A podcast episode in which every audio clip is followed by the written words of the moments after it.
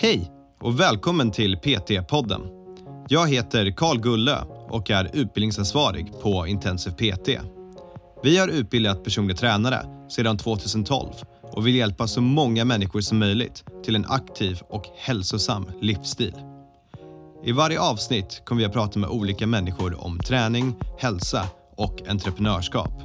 Varje samtal har ett unikt ämne och vårt mål är att inspirera dig till att vilja förstå mer om hur det är att arbeta som personlig tränare eller att hjälpa dig framåt i din karriär som PT. Det är inte speciellt svårt att hitta YouTube-videos med elitgymnaster som instruerar hur man kommer upp på händer. Men det är ju ett otroligt dåligt alternativ. Trots att de har mycket bättre kompetens än vad du har. Men du vill ju ha, om du är klient, du vill ju ha någon som står där det kommer gå bra, jag, står, jag tar emot dig, jag har sett det här förut, vi tar det steg för steg, du vågar, kom igen nu. Det är, det är det en PT gör. Så tekniken är lite grann bakom kulisserna, men yrket är ju på golvet med klienten. Varmt välkomna till PT-podden allihopa. Snart kommer framtiden. Nu kom framtiden och nu kom den igen. Och vet ni vad, om inte allt för lång tid, du kommer göra de här flygande bilarna och man kommer kunna teleportera sig och allt kommer gå framåt. Och den stora frågan som finns, det är kommer vi som PTs ha ett arbete? Och i det här avsnittet, då kommer jag och Andreas att diskutera detta och ja, framtiden ser ganska lovande ut. Nu kör vi!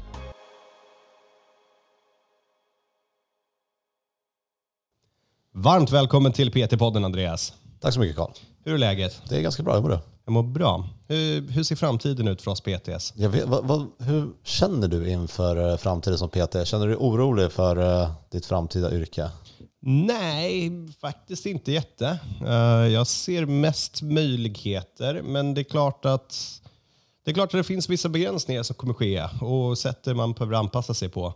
Yrket har ju förändrats ganska mycket de senaste åren, samtidigt som det har varit exakt likadant.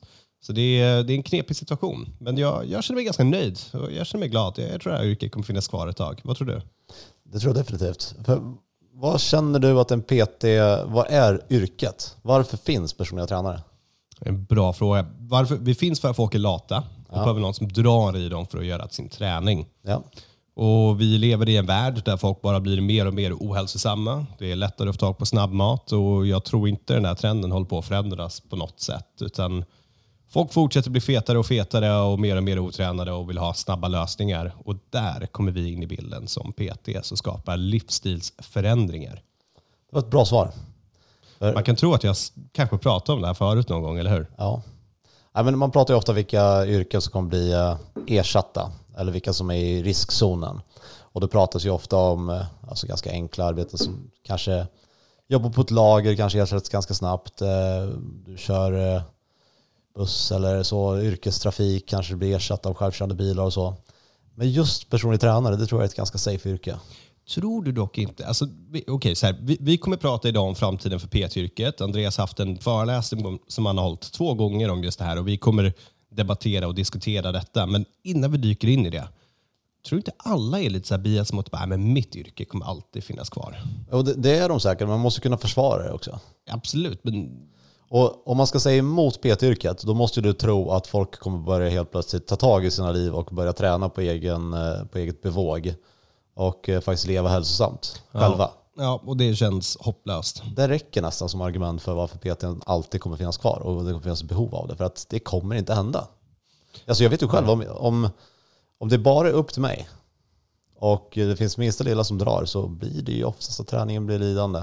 Ja, det är väl en hel samhällsförändring som behöver ske. Det är liksom, folk ska vara tvingade att träna på arbetstid och sådana saker. Det, det är det som skulle vara tvungen att styra upp så att man jag vet inte, eller typ att du har din försäkring blir otroligt mycket billigare om du visar upp vissa kriterier eller sådana saker. Det, då kanske man ser en stor förändring, men i det kort, korta perspektivet så ser jag inga förändringar. Nej, och så även där, vi säger att det blir arbets, eh, som en del av din arbetsplats, du ska träna så kommer du fortfarande behöva på något sätt lära dig hur du tränar. Du måste behöva en plan för att träna efter. Du kommer behöva någon som har hand om dig i början. Så att även vid extrema fall så tror jag inte att personlig träningsyrket är i fara. Okej, men då är den stora frågan, hur kommer det se ut i framtiden? Kommer vi fortsätta vara på golvet? Kommer vi börja använda datorer? Kommer vi att vara mer teknologiska? Eller kommer allting ske över Zoom? Är det så vi umgås nu för tiden? Hur ser det ut? Vad är dina framtidsspaningar? Alltså vi kan börja med att titta på hur rollen borde se ut redan nu. Eh, och eh, när människor kommer till gymmet och skaffar ett medlemskap så är det här medlemskapet väldigt skört. Tränar vi för mycket så är det risk för att vi slutar. Tränar vi för lite, risk för att vi slutar. Tränar vi på fel sätt och inte för resultat, risk för att vi slutar. Kommer inte in i communityn, risk för att vi slutar. Så det är ganska många anledningar till att faktiskt sluta träna. Spelar de fel musik på högtalarna? Risk för att vi slutar. Ja. Eh, nej, det är därför vi ser att folk köper ett kort, tränar i två månader och sen så ser man dem aldrig mer. Mm. Eh, Och sen så gör de samma resa igen två år senare. Eh, Men det där behövs ju något sätt fånga upp de här människorna. För att yrket handlar inte bara om dina klienter. Utan det handlar om att vi ska ha en friskare befolkning överlag. Ja. Och eh, tittar vi på vem som har möjlighet att, eh, att påverka det här och se till att de stannar. Receptionen, visst det är trevligt att man kan stå och ta emot dem, hälsa dem välkomna och bjuda på kaffe och hela den biten. Men det kommer inte göra så mycket för själva gymupplevelsen. Instruktörer är väldigt kort tid, administrationspersonal och chefer är väldigt kort tid. Så det är bara personlig tränaren kvar som är på golvet, som är där åtta timmar per dag, som pratar med människor som faktiskt kan påverka det här. Ja, precis. De, de gymmen som man i alla fall upplever att det går bäst för, det är de som man ser samma personal röra sig. Man ser PTs vara ute på golvet och arbeta. Och det blir ganska trevligt. Ja, och det hålls ofta bättre för det är samma sak där. Vi har använt vårt squat track och sen så ser vi att nej, det är ingen som tittar på mig. Nästa person kanske också ska ha de här 160 kilo i backsquat. Jag kan låta det sitta. Så hade vi runt- senast idag när vi var på gymmet och Ja. racket bredvid oss så satt och hängde 100 kilo för någon bara lämnade skivstången. Det är sidspår, det förstår inte jag. Och bara lämna viktigt på stången och gå därifrån. Va, vad är man för människa för att hålla på så? Ja. Men om det är en PT som går runt i gymmet eller flera PTs då måste man ju plocka undan efter sig. Så ofta så att ha PTs på plats leder till ett mer välstädat och bättre miljö. 100 100 procent. Så där ska ju PTn vara. Och sen om vi tittar på, ett, eh, på klientnivå, den möjlighet vi har att göra skillnad i klienters liv eh, liknas inte vid någon annan yrkesgrupp. Vi träffar de här personerna timmar och regelbundet. Ja, vi Ofta blir en flera år. stor del av deras liv. Vi kan ju faktiskt göra skillnad. Och jämför det med hur eh, otacksam en fysioterapeut och deras arbete är. Det vet vi som vi pratar med Tex i den här podden. att han kan ju, De förväntar sig att han ska fixa dem. Mm. Alltså här, se till att jag blir bra. Och när han, de får uppgifter av honom att göra, läxor, så blir det inte av. Medan vi kan ju faktiskt stå bredvid klienten när de gör det. Precis. Vi, vi tvingar folk att få upp sin compliance så gott det går i stort sett. Ja. Så vi ska alltså se till att alla tränar, inte bara våra klienter utan alla. Så det, det är platsen vi ska ha, på golvet i gymmet. Men det här låter lite grann som den gamla gyminstruktörsrollen, eller? Ja, ja, kalla det vad du vill, men en person som är på plats och ser till att, eh, att gymmet funkar som det ska. Okej. Att träning blir av. Och det är där vi ska vara. När man frågar personer och tränare vad de inte vill göra eh, så är väl de flesta svaren har med administration att göra. Ja, precis. Det är ju att sälja och skriva träningsprogram och skriva ner saker. Kommunika- kommunikation med klienter, tidsbokningar, allt sånt här. Eh, och där är ju också samma punkt som människan kanske har sin begränsning i. Ja. Mhm. Och eh, just det här tror jag att det, det första som stryker med, och där får man tycka precis vad man vill om, bra eller dåligt, men det kommer hända, det är att träningsprogramkonstruktion kommer ersättas inom tio år. Okej, förklara. Ja, men Vi säger att du ska ha koll på exakt klienters mål, Mhm. förutsättningar, dagsform, eh, skador, alltså allt. Du måste ha koll på precis allting när du skapar ett träningsupplägg. Ja. Du skapar det för en månad eller tre månader fram i tiden. Ja. Så ändras förutsättningarna. De skadar sig eller sätter nytt PR? Ja, eller det ska bort en vecka och det faller, och, eller de når ett mål men inte det andra. Så du måste hela tiden uppdatera och göra om det här träningsupplägget. Ja, de missar ett träningspass. Ja. Så vårt träningsupplägg som vi som personlig tränare skapar, det är ju visst det är mycket bättre än att bara ta ett random upplägg, men det är absolut inte optimalt. Nej. Alltså det, det gör man inte även om man har varit 20 år i branschen och lyckas ta hänsyn till maximalt antal faktorer. Så blir det inte optimalt, utan det blir bara så bra som det kan bli. Ja. En dator skulle kunna göra det 99-procentigt. ja, precis. Säg att vi, vi knappar in exakt vilka förutsättningar vi har för träning. Eh, alla siffror som vi har med hur mycket du tar i bänkpress, vad är det 10 rep max, vad, vad du nu har för någonting. Eh, och så klickar du i vad du har för mål med träningen och sen kommer ett helt perfekt balanserat träningsupplägg ut på andra sidan. Eh, det här dessutom tar hänsyn till allt annat som är runt omkring. Så när du fyller i, okej det här passet så presterar jag det här på bänkpressen. Och då kan den se, okej, men vad kan det vara för anledning till den här prestationen? Är det här någonting som jag ska ha snabbare progression? Är jag övertränad nu? Vad, vad ska vi göra åt det här? Och sen uppdatera den i realtid. Ja. Så inför varje pass så får du ett nytt träningsupplägg som baseras på mer och mer data ju mer du har knappat in i den. Och jag antar ju mer data du får i den här databasen också för dig själv, ju bättre kommer det bli över tid också. Ja, absolut. Ju mer data vi har desto mer underlag har de att fatta sina beslut på. Så det här ska inte människor göra. Och det här det kommer ta lång tid och man kommer stöta på massa motstånd och lämna över en sån här sak.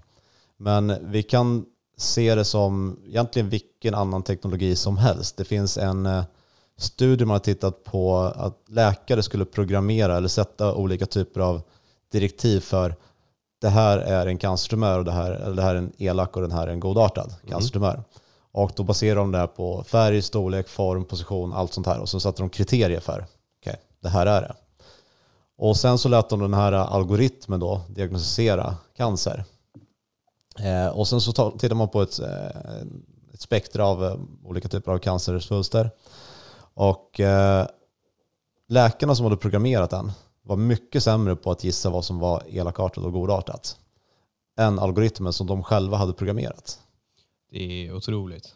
Ja, fast det blir ju så att vi, vi utvecklar alltid någon typ av bias. Mm. Vi tänker att ja, det ska egentligen vara så här, men jag har ju sett det här i 20 års tid nu. Jag vet att just när det ser ut så där, jag hade ju de här fallen förr i tiden då som, och då var det faktiskt inte. Så då, då går man ifrån de regler man har satt upp som man egentligen satt upp för sig själv. Precis, det, här- det här är ju någonting vi pratar om ibland. att Ju mer personliga erfarenheter du samlar ihop, det är ju jättebra, men du behöver vara ännu mer kritisk mot din egna bias då. Ja. Så att du inte bara bekräftar och gör saker som du själv tror funkar, men utan att faktiskt ha stöd för att det är så. Ja. Och den här alltså, algoritmen som skapar träningsuppläggen, den skulle dessutom kunna egentligen eh, crawla hela PubMed och Cochrane och allt och ta in alla studier som finns och fatta beslut baserat på data. Medan om jag ska lägga upp ett rehabiliteringsprogram för en person med ryggproblematik, då kommer jag gå efter vad jag tycker funkar och de studier som jag har läst. Och glömma bort vissa studier och ignorera andra studier. Jag har min bias hela tiden. Kan man likna det här till andra branscher? Då? Finns det någonting där som detta redan har hänt i? Alltså kolla, försök att liksom aktiehandel. Ja. Där du liksom handlar mot datorer som är mycket snabbare, har mycket mer data, aldrig gör några misstag, aldrig klickar fel, eh, läser nyheter snabbare än vad du gör, alltså överlägsen på alla sätt. Det, är, det går inte att tävla mot det här. Nej, och jag ska ju egentligen sitta och låtsas vara någon typ av motståndare till det här nu och säga nej men det känns så läskigt. Det är, jag vet inte hur det där kommer kunna ta över. Ingen dator kommer kunna göra det bättre än mig. Och tanken är att jag ska sitta och försöka argumentera för det. Ja. Men jag hittar inte ett enda argument till varför jag tror att jag skulle vara bättre än, eh, ja, än en dator som kan göra det här hur fort som helst. Nej, och, och de som tror sig kunna göra det här, det är reality check på dem. För det är ungefär som att jämföra sin kunskap mot Googles kunskap. Alltså Ja. jag, jag kan nog googla till mer än vad du har kunnat hålla i vet, huvudet. vet du vad? Även om det skulle vara så. Ponera nu att om du skriver ett träningsprogram till mig, då är det 100-procentigt. Men om datorn skriver det, då är det 85-procentigt till exempel. Nu tror jag att det är tvärtom, men ponera att det är så.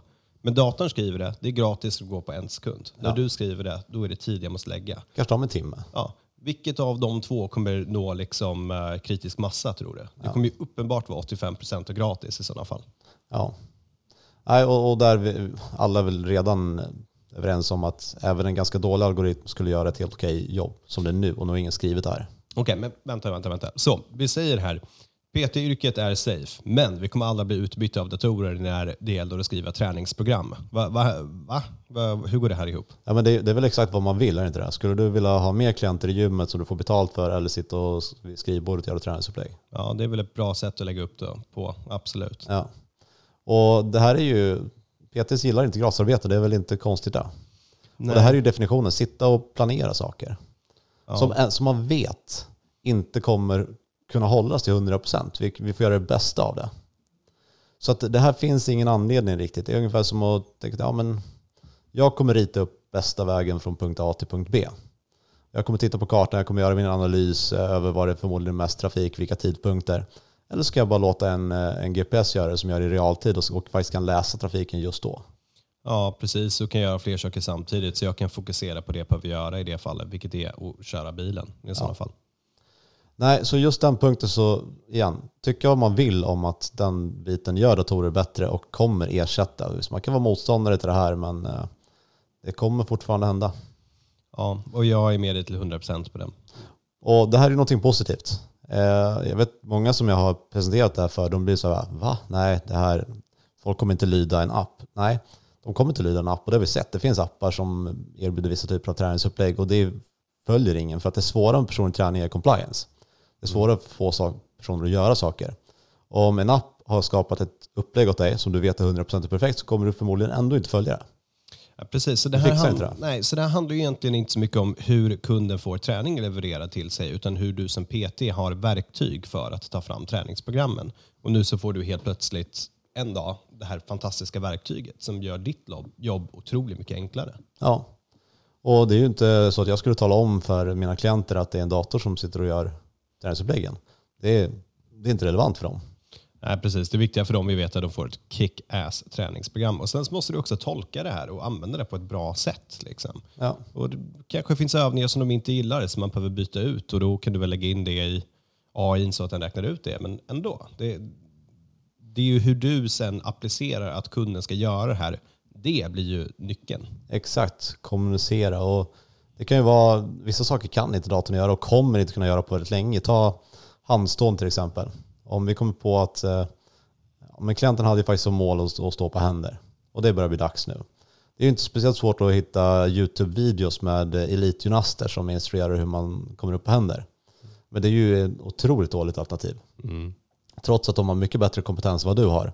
Men du vill ju ha, om du är klient, du vill ju ha någon som står där, det kommer gå bra, jag, står, jag tar emot dig, jag har sett det här förut, vi tar det steg för steg, du vågar, kom igen nu.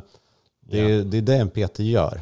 Så yeah. tekniken är lite grann bakom kulisserna. Men yrket är ju på golvet med klienten. Precis, och, och folk är ju överlag lata och rädda. Och en stor del av vårt arbete det är att våga ta dem ur sin comfort zone och våga lägga på den där 2,5 eller 5 kilo vikten så att de får en progressiv överbelastning och så att träningen blir svårare och tyngre över tid. För det är, även om du har liksom ett AI-program som talar om för dig att du ska höja 2,5 kilo på dina vikter nu. Uh, du kommer kanske inte göra det för du känner att oh, det var läskigt, det vågar jag inte göra. Men där som PT så kommer du alltid pusha klienterna framåt. Ja, säg att jag vet att det kommer gå bra. Ja. De litar ju på dig till 100%. Precis, och om det inte skulle gå bra för att du inte klarar det, då är inte det hela världen. Liksom. Ja. Vi grejer det här. Och det tror jag de flesta redan köper. För tekniken är så pass bra nu med, allt som vi använder. Om du ska hitta en film nu, till exempel. Mm. Litar du på eh, att du ska browsa igenom Eh, en otrolig mängd eh, filmer eller litar du på att Netflix algoritm tar fram rimliga alternativ åt dig efter att du har kollat på en del filmer? Jag tycker faktiskt inte att Netflix algoritm där är så bra. Jag får ofta det är för att allt på Netflix är shit. Ja, precis. Det handlar inte om att är, algoritmen är dålig, den har ingen bättre alternativ Nej, att visa. Världen har inget bra utbud.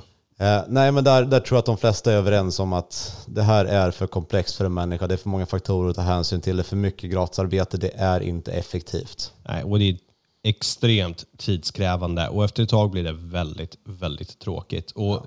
De flesta erfarna PTs, de har ju redan skapat en egen mall eller struktur för det här. Att I början då ska ju varenda, liksom, varenda träningsupplägg du gör ska vara helt annorlunda. Ja, det tar en timme liksom för ja. varenda. Sen, sen har man Sen har man, liksom, man har några olika baser och så anpassar man och varierar. Och det här är ju inte populärt att säga, för folk tycker inte om det. det är, folk blir så nej, varenda pass ska vara annorlunda. Men du vet, basövningarna och ha en progressiv överbelastning och öka vikten på dem över tid. Ja. Göra lite flies, lite dips, lite pull. Liksom allt sånt där. Det är ju det är, ja, det är inte raketforskning. Det, nej, precis, precis. Så alla jobbar ju redan lite så här, men mer begränsat. Ja. Ja, antingen så lägger du väldigt mycket tid och då får du en bättre, ett bättre resultat på andra sidan. Mm. Eller så lägger du mindre tid men då får du lägga mer tid på det andra. Men alternativet här är ju att lägga noll tid och få ett bättre resultat än du kunde fått om du hade lagt mycket tid. Ja. Sen har du också de här äh, som är ganska hardcore som, som mig som litar blint på det här. För att om du säger till mig att jag kan öka 2,5 kilo till i bänkpressen, då tycker jag att du har inte koll. Mm. Men om en dator som har tagit emot all data som finns om min träning säger att enligt mina beräkningar så kan du ta 2,5 kilo till. Okej, okay, nice. Då vet jag att jag kommer fixa det för att det baseras på data och, och fakta snarare än någons åsikt och tro. Ja, och sen en helt annan aspekt till det, det är ju liksom teknikdelen av det. Så fort du ska göra den här bänken då, du har lagt på mer vikt, nu är du lite orolig, då kommer du kanske ett annorlunda tekniskt utförande. Och där kommer nog inte datorn byta ut oss eh, på väldigt lång tid Nej, eh, alltså- för att hjälpa till med det. alla de här komplexa analyserna, till exempel, du kan ju använda ett biomekanikanalysprogram och filma i slow motion och göra ett rutnät och mäta ledvinklar och allt sånt här. Eh, men det är ju ett verktyg, precis som programkonstruktion som vi pratar om nu. Det är ju bara ett verktyg för att sen kunna göra sitt jobb bättre. Så vi använder den här slow motion-kameran och mäter alla ledvinklar för att kunna göra en biomekanisk analys som fortfarande görs av oss.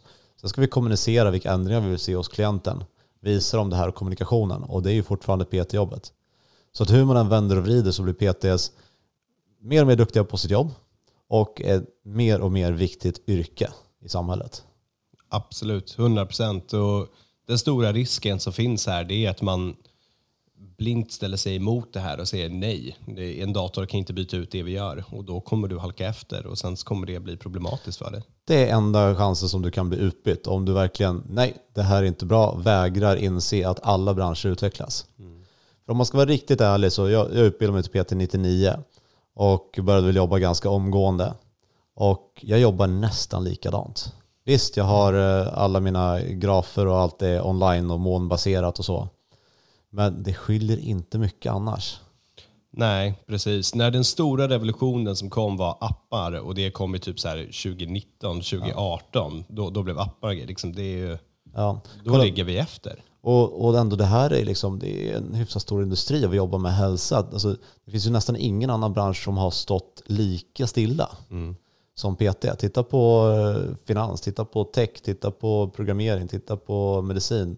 Var du än tittar så har det hänt, alltså det ser inte ens ut som samma bransch. Men just PT har stått stilla och det är för att det inte funnits något incitament för innovation.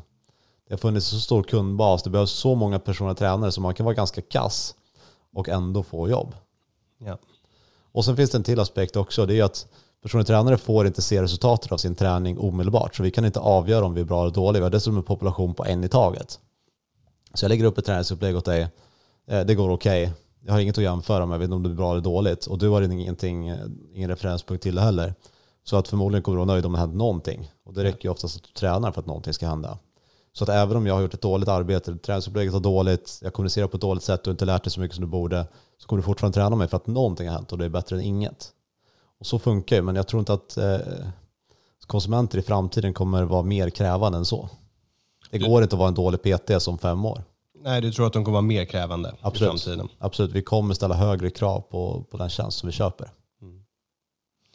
Spännande. Det här var roligt att lyssna på. Och, um, ja, jag var ganska dålig på att argumentera för um, att vi inte ska se teknologisk förändring i vårt yrke. Men nej, det, det här... Okej, om du får ge en tidsuppskattning, när tror du att det här kommer ske? Inom fem till tio år så är branschen helt annorlunda.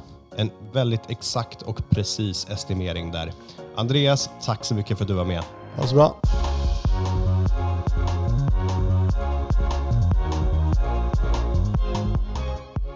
PT-podden är producerad av Intensiv PT.